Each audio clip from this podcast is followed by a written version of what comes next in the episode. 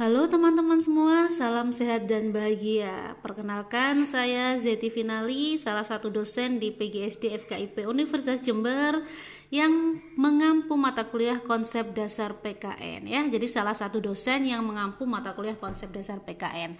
Baik, eh, kenapa sih saya membuat podcast ini ya? Seperti biasa agar lebih bervariasi ya.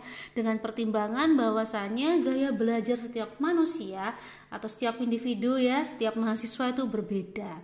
Jadi podcast ini bertujuan untuk memfasilitasi teman-teman dengan gaya belajar auditori ya. Jadi uh, durasinya mungkin hanya beberapa menit saja karena selanjutnya seperti biasa kita akan tetap belajar di setiap pertemuan pada aplikasi Sister yang sudah disediakan oleh Universitas Jember. Oke.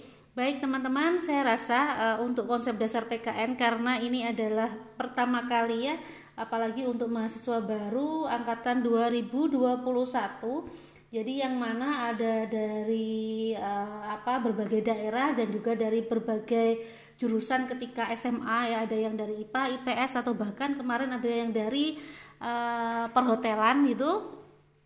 SMK perhotelan ya. Jadi di sini kita akan le, akan banyak belajar konsep dasar PKN itu seperti apa.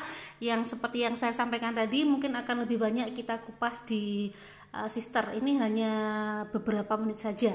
Oke, jadi PKN ya. Kalau dulu mungkin teman-teman ketika sekolah, ketika sekolah di SD, SMP atau SMA, mungkin PKN itu ya sudah belajar PKN uh, eh, tidak tidak pernah mengetahui PKN itu sebenarnya apa sih ya harus memuat uh, apa sih PKN itu? Jadi tidak seperti itu. Nah karena teman-teman sudah ber ini apa namanya bergabung atau berkuliah di PGSD ya di PGSD bahwasanya harus tahu oh ternyata mata pelajaran PKN itu seperti ini gitu ya.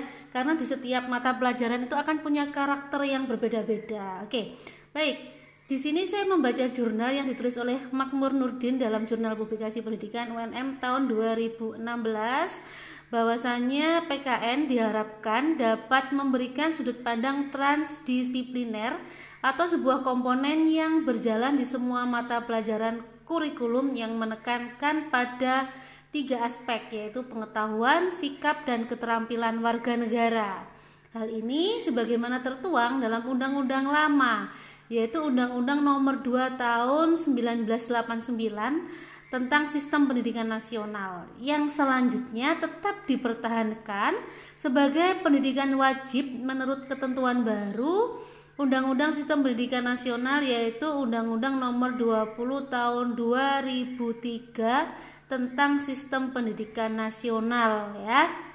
Nah, selanjutnya juga dituliskan juga bahwasannya PKN itu merupakan salah satu bentuk pendidikan yang secara intensif membentuk karakter, nilai moral, dan sikap perilaku peserta didik dalam rangka membantu memanusiakan manusia. Oke, jadi teman-teman semua perlu diingat bahwasanya jadi PKN itu apa sih kata kuncinya ya? Kata kunci dari PKN itu eh, ada sikap ya. Jadi bagaimana nanti teman-teman ketika nanti menjadi guru gitu ya mampu mengembangkan sikap yang baik ya mampu mengembangkan sikap yang baik perilaku yang baik ya karakter yang baik ya dan e, keterampilan warga negara ya kemudian juga ada pengetahuan tadi yang juga sudah dituliskan jadi bagaimana nanti e, apa namanya PKN itu dapat membentuk warga negara yang baik ya.